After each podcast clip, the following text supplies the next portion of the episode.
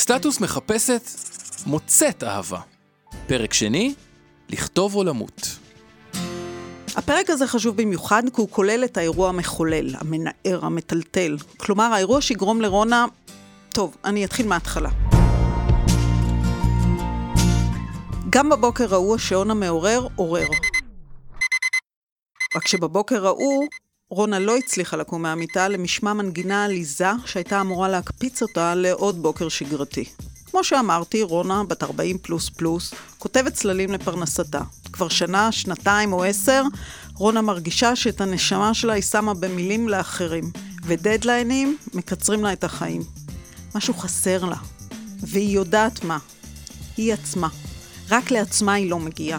תמיד יש משהו חשוב יותר. כבר לא מספיק לה להיות העורכת, המסדרת והאורזת של אחרים. במחשב יש לה מיליון התחלות. אולי לא מיליון, אבל בהחלט מספיק. ועוד חצי מיליון גנוזות במעמקי ליבה. החבר הראשון שלה היה תמיד אומר לה שהיא חייבת להפסיק להגזים. תכלס, זה היה הוא שהגזים. כשאמר לה, בסופה של שבת, טרם חזרתו לצבא, שהם חייבים להיפרד, היא כבר לא זוכרת למה. המחשבות משוטטות כהרגלה, והיא, רונה, שוכבת על גבה.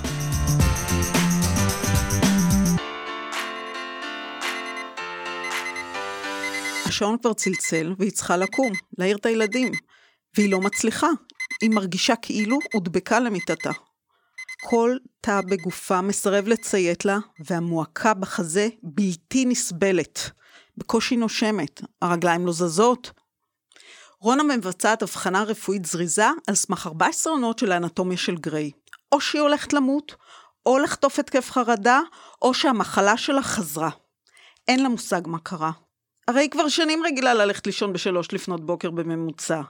מדי פעם איזה לילה לבן עם התרסקות בבוקר למיטה, אחרי שהיא משלחת את הילדים, אבל שום דבר מעבר.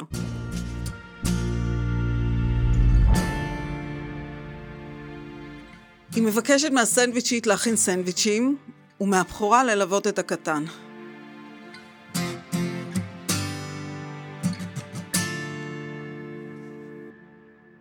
איפשהו ב-10 בבוקר היא מצליחה לגרור את עצמה למקלחת. יושבת על שרפרף הפלסטיק שהגביה את הילדים לכיור כשהיו קטנים, ונותנת לזרם המים לעטוף אותה כמו שמיכה שקופה, בעודה מנמנמת. היא מתעוררת בבהלה כאשר טמפרטורת המים צונחת. זוחלת בחזרה למיטה, בולעת כדורים, והמועקה נשארת בתוכה. לאן שרונה הולכת, היא, המועקה, איתה. רופא משפחה, רופא פרקים, רופא נשמה, מדקרת, מסאז'יסטית, ועדיין לא נמצאה הסיבה לבעיה.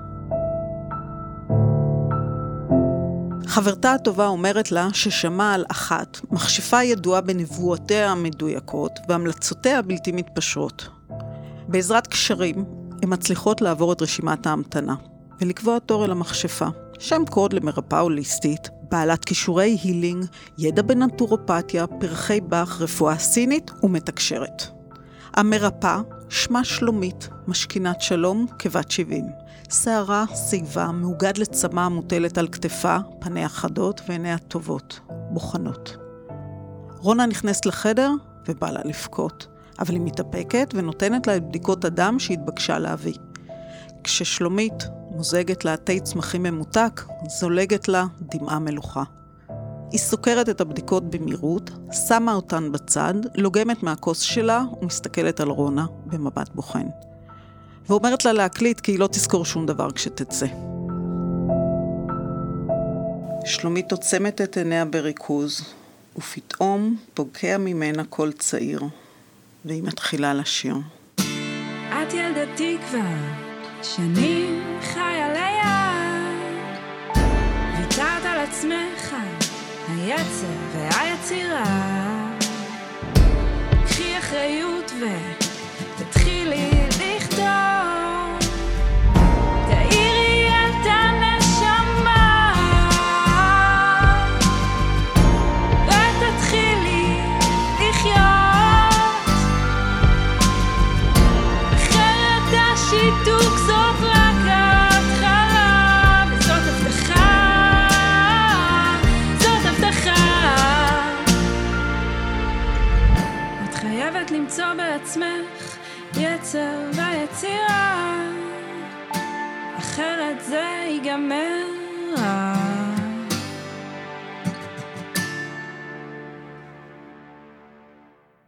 שלומית ממליצה לה על שינוי דרסטי בתפריט ובסדר יומה. הן נפרדות בחיבוק. רונה מתיישבת ברכבה, פורצת בבכי תמרורים. במהלך הנסיעה היא מפנימה את העובדה שבשורה התחתונה, אני הולכת למות. אם לא אתחיל לחיות, אני אמות. שזה נשמע מאוד הגיוני. ושיתוק חלקי יהיה משחק מקדים לעומת מה שמחכה לי. אני חייבת לכתוב. היא אמרה שאני חייבת להפסיק את התירוצים. הנשמה שלי כבר לא יכולה לסבול יותר. אין לי מושג מה אני הולכת לעשות. לאחר שבחרה לחיות, כל שנותר לה הוא להחליט על מה תכתוב. זה לא כל כך פשוט, כי היא כבר ממזמן שכחה. רונה טבלה יגונה בהרבה gin and tonic ורחמים עצמיים. נטיית הלב היא סיפור חייה. אבל כשחשבה על זה לעומק, החיים שלה נראו לה מיותרים לתיעוד. הם די משעממים אם להיות כנה. ילדים, פרנסה, הורים, גרוש, משכנתה, הכל די רגיל. והלילה שקט, והבית ישן. היא פותחת את הלפטופ שלה וצוללת לארכיון סיפורים אבודים. ים של התחלות מבטיחות. בין המילים צפים חרוזים שבורים, סלעים של כאב וזיכרונות מפוזרים בין השיטים. והאותיות משחירות את המסך כמו נמלים שכובשות פיסת שיש דביקה מטיפות של אבטיח מתוק במיוחד, ומתחברות לסיפור אחד שקראה לו אחרי החגים. אותו ערב, ראש השנה, היה סופה של המשפחה שלנו. שלך ושלי. כפי שמוסגרה באותה תמונה התלויה בחדר המדרגות בבית הוריי. אתה ואני, שני הורים צעירים ויפים, ושלושה ילדים עליזים המחייכים אל המצלמה. הסוף התחיל עוד קודם, אבל זה היה הסוף הרשמי. בסוכות עוד יצאנו לטיול משפחות אחרון. הריב התחיל עוד לפני שיצאנו, או ליתר דיוק כמה שנים לפני. בין הסנדוויצ'ים והמסות היה פיצוץ. אתה נעלבת והלכת לסיבוב. אני חשבתי שזה כבר ממש לא משנה. אני יוצאת לטיול הזה לבד או איתך, לא משנה מה יהיה. פעם הייתי נשברת, בוכה, מתחננת שתחזור בחזרה. הפעם מתוך שלווה בדויה, המשכתי במלאכה. אורזת, מקפלת, מעמיסה. כשסיימתי לארוז, אתה חזרת. בפעם האחרונה. לפני כמה שנים, סוף נישואיה תחילת גירושים, כתבה יצירת מופת שהקדימה את זמנה, ואף אחד לא שמע עליה. אותה יצירה ששיתקה את המקלדת שלה מרוב פחד, כי כל מה שנכתב שם קרה, גם הטוב וגם הרע, קרה. רונה מזכירה לעצמה שכדאי בהזדמנות לחזור לקרוא גם אותה.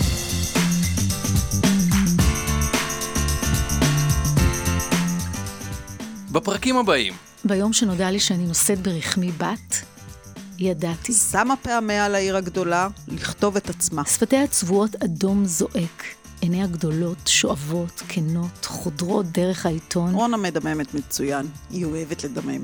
ואם יש קהל, אז בכלל. אני נהנית להפריע ולעצבן, עד שבסוף הם סוגרים את הדלת.